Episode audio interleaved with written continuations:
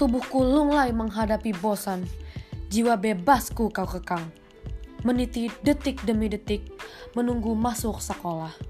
Tapi ku harus kuat menghadapimu demi keselamatan seluruh saudaraku. Marilah seluruh kawanku, ayo kita di rumah saja. Memang sangat membosankan, ditambah tugas yang tiap hari makin memuncak. Tapi kita harus lewati cobaan ini dengan tenang dan mantap.